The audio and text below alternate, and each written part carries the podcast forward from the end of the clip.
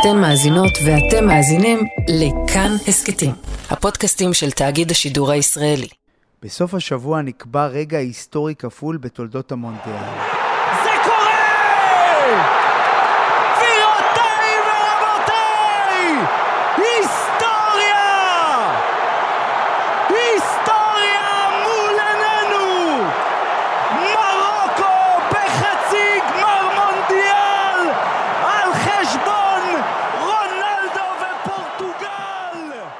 זאת הפעם הראשונה שמדינה ערבית וגם מדינה אפריקנית עולה לחצי הגמר של גביע העולם בכדורגל. וזה לא נשאר בעולמות הספורט. אחרת, לא הייתי מדבר על זה, ובטח לא כאן. הדרמה הזאת מתרחשת בפעם הראשונה שמדינה ערבית מארחת את המונדיאל. אתם חושבים שזה מקרי? שלום, אני רועי קייס, ואתם מאזינים לעוד יום, הסכת האקטואליה של כאן. בימים כתיקונם אני ראש תחום העולם הערבי בכאן חדשות, אבל בימים אלה אני בקטאר, מסקר את האירוע הענקי שקורה כאן, בעיקר מהזווית האנושית והלאומית, כי מונדיאל זה חגיגה של אומות, ולצד הספורט יש המון פוליטיקה, היסטוריה וגם סוציולוגיה.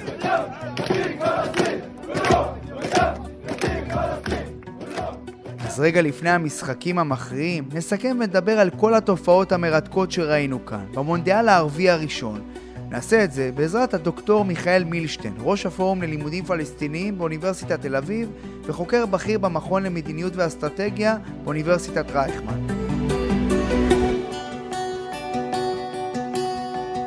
שלום מיכאל. שלום רועי.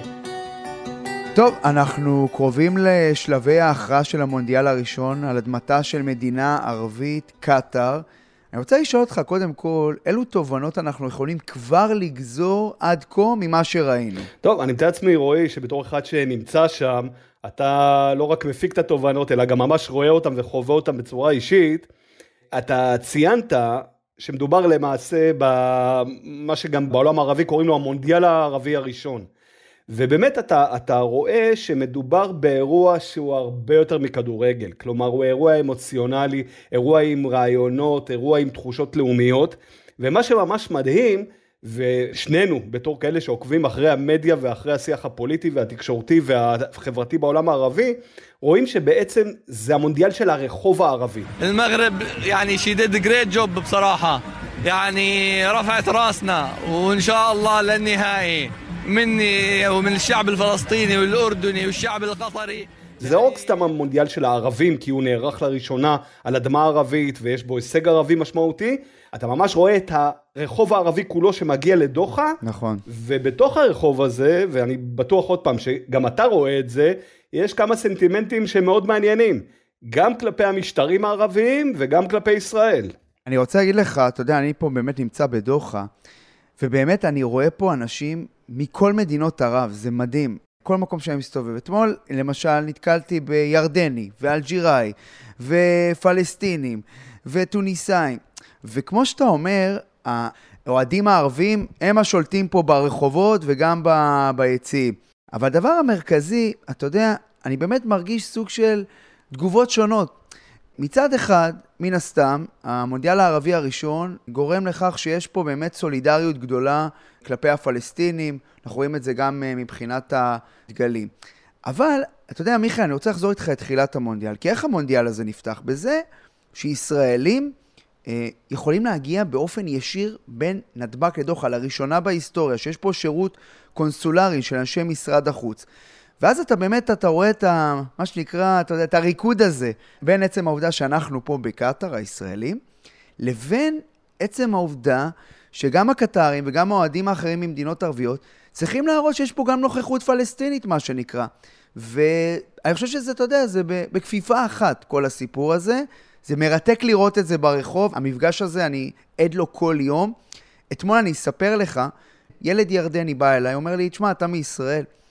אומר לי, אני רוצה לדבר איתך. אז אמרתי לו, אין לך בעיה שאני ישראלי? הוא אומר, לא, אנחנו שכנים.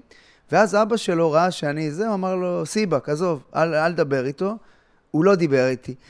אבל זה מראה לך את המורכבות הגדולה של מה שאני אני חווה פה, ולא מעט ישראלים, אה, שסך הכל, אתה יודע, הולכים ברחובות דוחה, רובם מרגישים בטוח. אני רואה פה הרבה ישראלים, ערביי ישראל, גם יהודים, מרגישים פה חבל על הזמן. אני אומר לך את זה, לפחות מהחוויה האישית שלי. מה שציינת, רועי, הוא בעצם הסיפור שהכי מעניין אותנו כישראלים, הוא לא בהכרח זה שהכי מעניין את העולם הערבי או את העולם אה, בכלל, בהקשר של המונדיאל שכבר צבר קילומטראז' של שערוריות שממש האחרונה שבהם התפוצצה ממש ביממות האחרונות כשהתחיל אה, אה, מסע משפטי חקירתי נגד סגנית יו"ר הפרלמנט האירופי בחשד ללקיחת כספים שניתנו על ידי קטאר. הסיפור הישראלי כאן, אני חושב, אתה כמובן חווית את זה מכלי ראשון, אירועי, ש... שמסתכלים גם על התיירים וכמובן גם עליכם, על צוותי הטלוויזיה והצילום, אני חושב שהישראלים למדו סוג של שיעור מאוד מעמיק על הדבר הזה שנקרא נורמליזציה. כי אני חושב שרובנו במהלך השנתיים האחרונות, מאז נחתמו הסכמי אברהם, To our honored guests from Israel, the United Arab Emirates, and Bahrain. Congratulations on this outstanding achievement. Congratulations. הייתה לנו איזו תחושה של אופוריה, כמעט אפילו אשליה, של הנה קורסות כל החומות. הסיפור הפלסטיני נגמר. בדיוק, ו- ו- וכולל המונדיאל האחרון, שאמרו הנה, אתם רואים טיסות לקטאר, הגעה של צוותים לקטאר, משרדים בקטאר, ומה שקרה לישראלים, בין, עוד פעם, בין אם זה תיירים ובין אם זה צוותי צילום, זה שקיבלנו סוג של מגע בלתי אמצעי, בלתי מסונן על ידי כל מיני נאומים חוצבי להבות ומאמרים בעיתונים עם הרחוב הערבי, ובדיוק כמו שאתה אמרת, זה לא רק הרחוב הקטרי, אנחנו ניקזנו במונדיאל את הרחובות של צפון אפריקה והמפרץ והמשרק למקום אחד, ואנחנו קיבלנו רחוב ערבי מאוד קריר בלשון המעטה כלפי ישראל.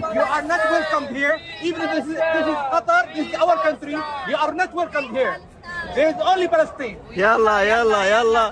ישראלי, ברא. כי אנחנו בעצם ראינו את הקרקעית או את הבבואה העמוקה של מה חושבים עלינו ברחוב. ואנחנו הבנו מהרבה בחינות, וזו לפחות תפיסתי, אה, רועי, ש... חלק גדול מהדברים האלה שאנחנו קוראים להם הנורמליזציה וחימום היחסים עם העולם הערבי מתבצעים ברמה של האליטות. נכון. ברמה של השליטים והאינטרסים הצבאיים והמדיניים, אבל כשצוללים למטה לרחוב, אתה פוגש בדיוק את האוהדים האלה, שאומרים, עזוב אותי, אני לא, לא רוצה מגעים עם ישראלים. וזה לפעמים קשור לפלסטין, ולפעמים לדברים יותר עמוקים.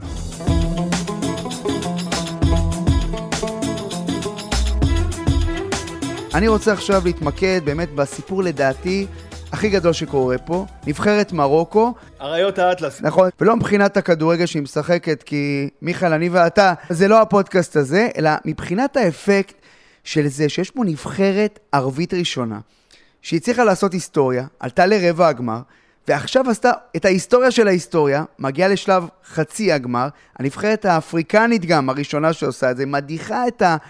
המעצמה הקולוניאלית ששלטה עליה, אני מדבר על ספרד בשמינית הגמר. אשרף חכימי רוצה לקחת את מרוקו לתהילה, והוא עושה את זה!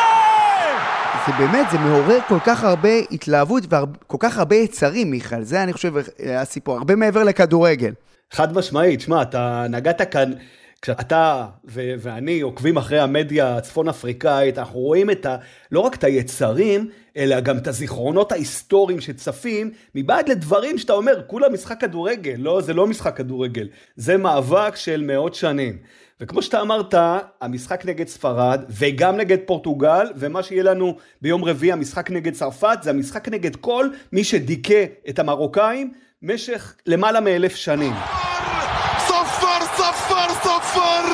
לתאריך, לכבריאי العرب.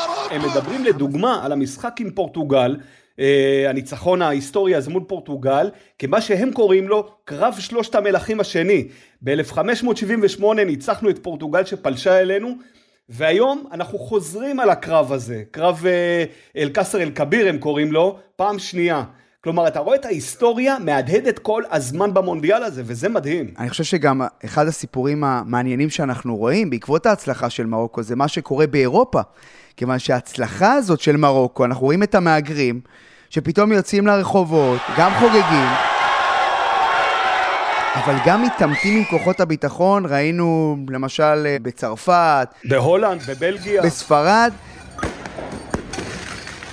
זו תופעה מאוד uh, משמעותית שאנחנו רואים אותה. ואם כמובן uh, המרוקנים יגיעו עד הסוף, אני מעריך שאנחנו... זה רק, התופעה הזאת רק תלך ותתפשט. לגמרי, ואתה יודע, זה, זה רועי, נגעת בדיוק באחת התופעות בעיניי הכי מרתקות של המונדיאל הזה.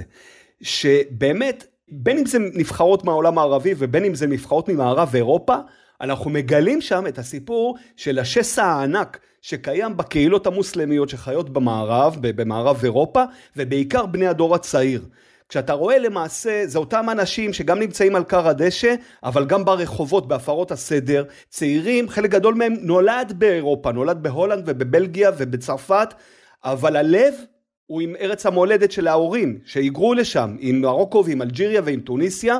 ואתה יודע, אחד הדברים המדהימים, שמי שדיבר עליו הרבה זה העיתונות הספרדית בשבוע האחרון, זה שחצי מנבחרת מרוקו, 26 שחקנים, 13 מהם בכלל לא נולדו במרוקו. קראו לזה נבחרת האו"ם בעיתונות הספרדית. הספרדים לגלגו על המרוקאים ואמרו, תשמע, בן אדם כמו אה, אשרף חכימי, הוא חלוץ של פריס סן ג'רמן, הוא יליד ספרד. וככה עוד הרבה מאוד שחקנים בולטים של, אה, של מרוקו, ואתה רואה באמת מצב של הערבוב הענק הזה שקיים בין הקהילות המוסלמיות למדינות המערב ובעיית זהויות, ונראה לי רועי, שנינו כאן אה, שותפים להערכה שבין אם המשחק עם אה, צרפ... בין צרפת למרוקו יסתיים בניצחון או בהפסד של המרוקאים, זה הולך להיות הרגש. אתה יודע, דיברת על הסיפור של השחקנים, ואני חייב להגיד נקודה אחת על קרים זייש, השחקן ההולנדי-מרוקני. כי הרי קרים זייש, זה, זה, זה הסיפור של נבחרת מרוקו. בין המהגרים בהולנד, שאתה יודע, גם נקלע להתמכרות לסמים, והרימו אותו מהאשפתות, מה שנקרא, והוא הפך לשחקן ענק, והוא החליט לבחור בנבחרת מרוקו, ולא בנבחרת הולנד, ואתה יודע, האוהדים שפה, שאני מדבר איתם, דיברתי פה עם פרשן ספורט בעיתון הסבח, אומרים לי, עצם זה שהוא בחר בנו על פני הולנד, זה אומר את הכל. ולכן, כשהמאמן הקודם של נבחרת מרוקו אה, לא רצה אותו, אנחנו מחינו, עשינו מחאה, ותראה מה זה היום, חכים זייש. הוא מוביל את הנבחרת הזאת, אה, באמת, לגבהים שמי מי חשב. אה, וזה, אני חושב, זה, זה הסיפור הבאמת, אה, אם תרצה, סיפור הסינדרלה של המונדיאל הזה. עכשיו, אתה יודע, עיניים נשואות כעת, מיכאל, המשחק, כאמור, של צרפת נגד מרוקו. כשכאן אנחנו צריכים לזכור, אה, רועי, בעצם זה משחק בין מי שכבשה את מרוקו עד uh, אמצע שנות החמישים ושלטה שם, לבין uh, הנכבשת, שבעצם גם במרכאות יצאה מיליונים של תושבים לצרפת. זה סיפור גדול. אגב, גם בוא, בנבחרת צרפת גם יש שם לא מעט, uh, אני חושב, מהגרים בנבחרת הזאת.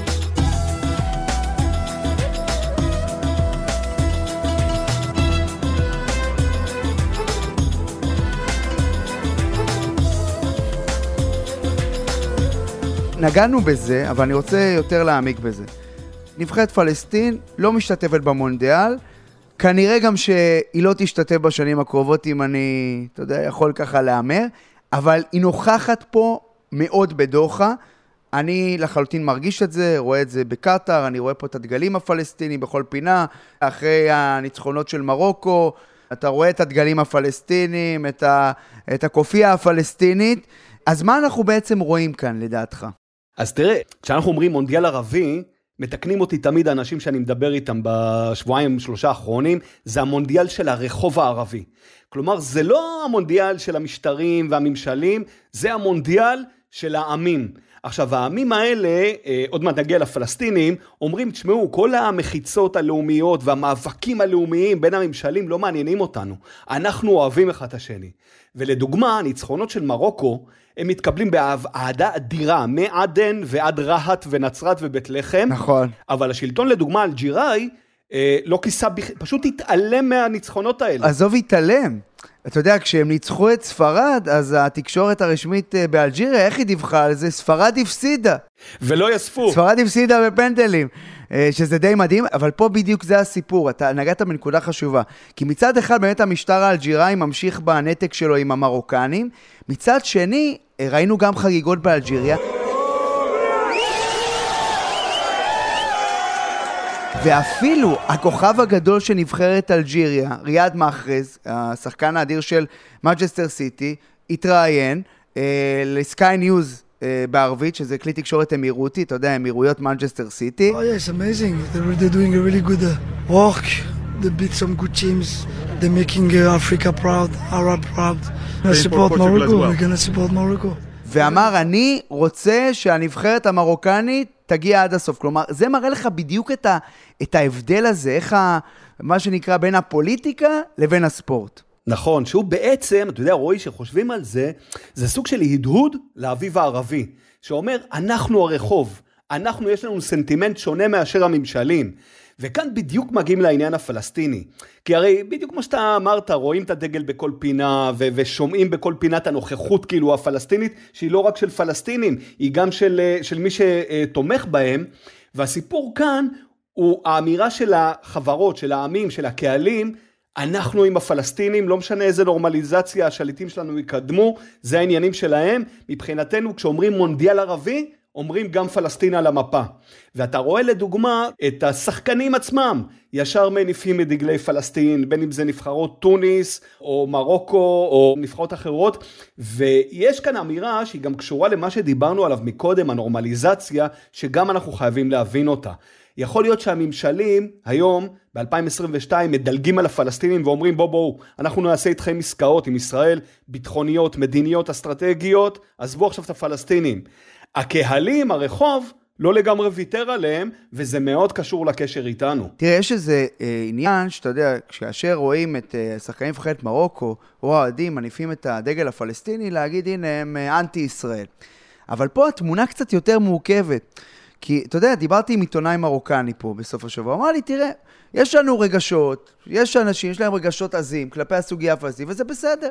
אבל זה לאו דווקא אומר שאי אפשר uh, להיות בקשר עם ישראל. אתה יודע, גם בסוף, אנשים פה רואים, גם הפלסטינים שמחים וגם הישראלים שמחים על הניצחון הזה של מרוקו. כלומר, אני חושב שהניסיון אולי ליצור פה סתירה מוחלטת הוא לא כזה מדויק.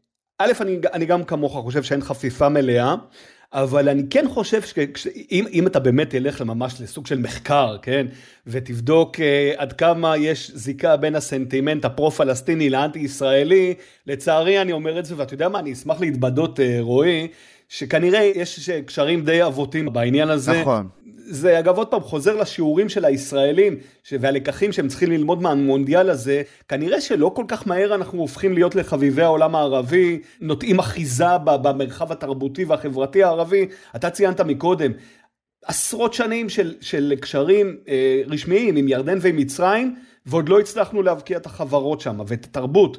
ואנחנו ממש אה, מוקעים על ידי איגודי העיתונאים והסופרים וה, והיוצרים. ייקח עוד זמן, יש לנו כאן אה, דבר רציני. המחנה האנטי-נורמליזציה לישראל בעולם הערבי הוא עדיין, הוא גם קולני יותר אה, וגם אה, משמעותי יותר, מהסיבה הפשוטה שגם אנשים שרוצים להידבר עם ישראל, כמו הירדני הזה שסיפרתי לך עליו אתמול, מפחדים. גם אם הם רוצים וזה מעניין אותם, הם רוצים בשיח הזה. עכשיו, אני רק אספר נקודה קטנה, סיטואציה שהייתה פה, כי אני חושב שהיא סיטואציה מדהימה שמדגימה את הסיפור הזה. תראה, אני הייתי בשוק וואקף לפני כמה ימים. זה בעצם השוק המרכזי בדוחה. בשוק המרכזי בדוחה. והגיעו כמה מרוקנים, שני מרוקנים, רצו לדבר איתנו, התלהבו שאנחנו מישראל והכל אה, אחלה. ואז הגיע איזה פעיל פרו-פלסטיני שלא כזה אהב את זה, והוא אמר להם, אתם יודעים שזה מדובר בכלי תקשורת ציוני. תחרימו אותו. והמרוקנים אמרו, לא, אנחנו לא רוצים להחרים, אנחנו רוצים לדבר איתם, אתם לא תגידו לנו מה לעשות. אני פרסי, כנחלם, מזל מתחילת דחלת לי פרסי, מזל... I don't know if it's real or not. I, I believe that uh, it's real, I believe that we will continue. מתפתח שם ויכוח, ולאחר מכן בעקבות כל הסיפור הזה, במהלך אחד השידורים עשו הפגנה והפריעו לי לשידור. לפחות אה, בעיני לא מעט אנשים לא- פה, זה עורר... טוב, הנה אנחנו רואים את המשך הדיווח לא שלך. טוב, רועי, אנחנו נחזור אליך אחר כך כשיהיה יותר נוח לעשות באמת... מה אני רוצה להגיד בזה? שמאוד מאוד מתסכל את הפעילים הפרו-פלסטינים, עצם העובדה שיש אנשים, ויש פה אנשים בדוחה, שכן רוצים לדבר עם תקשורת ישראלית. על אף שכמובן שהם לא הרוב, אבל יש כאלה. ואני חושב שזה הסיפור. תראה, בעולם הערבי, במזרח התיכון, תהליכים מתרחשים מאוד לאט. בטח שינוי גישה כלפי ישראל, שבתוכניות הלימוד עדיין מלמדים אה, לשנוא את ישראל ברוב המדינות הערביות. ולכן אני חושב שגם אם מה שנקרא, אתה יודע, התמונה אה, מהארץ מצטיירת כקודרת, יש פה ושם אורות, אתה יודע, שאותי לפחות פה גורמים לי קצת להיות אה, אופטימי, מה שנקרא. לצד באמת החמצמצות והפסימיות שלנו, שווה שנזכור אותם, כי הם בכל זאת מראים שיש כאן איזה פתח לתקווה. אני חושב שכאן הכדור חוזר אלינו, תהיה הרבה מאוד השפעה לעשייה הישראלית. נכון. לדברים שאנחנו נעשה, בין אם זה בממדים המדיני או הכלכלי, כמובן לא הכל רק תלוי בצד הערבי, וזה נכנס למרחב הפוליטי המאוד אה, מורכב אצלנו. ה-people to people הוא הדבר החשוב, עם כל הכבוד להסכמים. ראיתי במשחק אה, של מרוקו מול פורטוגל אוהד אמירותי, אמרתי לו שאני מישראל, הוא צחק ואמר זה לא ישראל, זה פלסטין. ללמדך שגם באמירויות לא צריך לחשוב ש-100% מהאנשים שם אוהבים אותנו.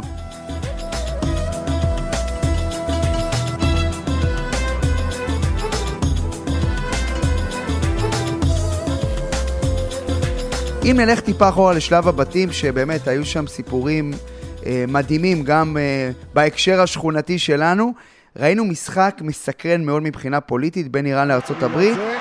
והכדור הולך לבס, והנה הראשון! ארצות הברית אחת מול איראן! שתיהן הודחו ולא המשיכו הלאה בטורניר, אבל אני חושב שראינו שם הרבה מעבר לכדורגל. נכון, וכאן באמת אתה צריך אה, להיות באמת נאיבי להאמין שמשחק כמו אמריקה, ארה"ב, איראן הוא רק כדורגל וספורט. זה ברור לגמרי שמאז המשבר הגדול של המהפכה האסלאמית, כל מגע אמריקאי-איראני, אה, בעיקר בתחום הספורט, הוא כמובן מאוד מאוד טעון מבחינה אסטרטגית. עכשיו, מה שכאן מאוד מעניין במשחק האחרון, והופך להיות שונה מאשר כל המשחקים שהיו בין איראן לבין ארה"ב לאורך עשרות השנים האחרונות, זה שהפעם הפוליטיקה או הסוגיות הפוליטיות הפנים איראניות גם חדרו לתוך כר הדשא.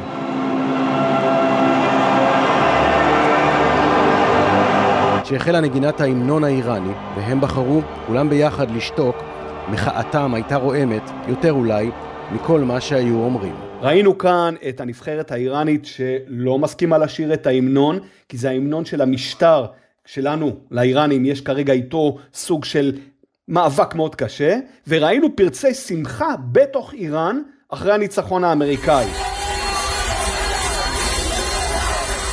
וזה לא היה לדוגמה ב-1998, ששתי הנבחרות האלה נפגשו במונדיאל, ואיראן אז ניצחה את ארצות הברית, ואז האיראנים היו איראן של המשטר.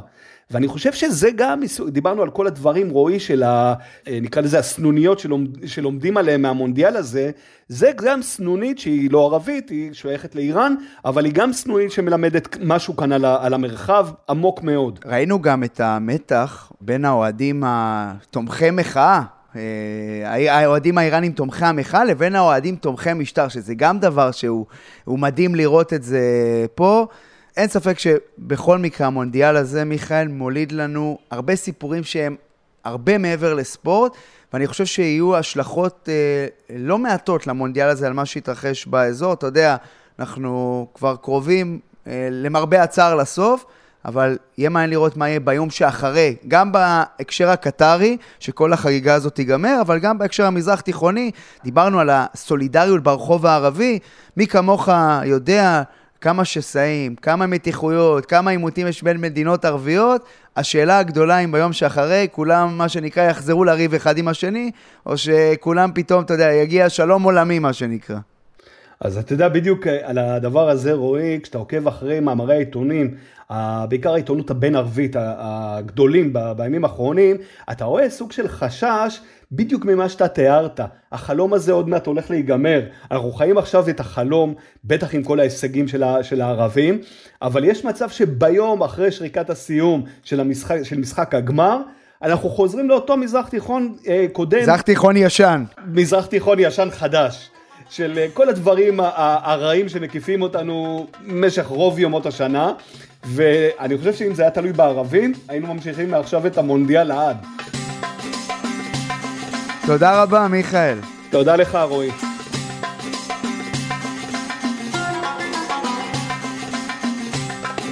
האזנתם לאודיום, העורך הוא דניאל אופיר, עיצוב קול ומיקס חן עוז. וצוות עורכי אודיום גם יותם רוזנבלד. היה לכם מעניין? אז קדימה, תשתפו את הפרק. אם אתם מאזינים לנו בספוטיפיי או אפל פודקאסט, נשמח אם תיתנו לנו דירוג גבוה. הערות על מה שאמרנו אתם מוזמנים ומוזמנות לכתוב בקבוצת כאן הסכתים בפייסבוק.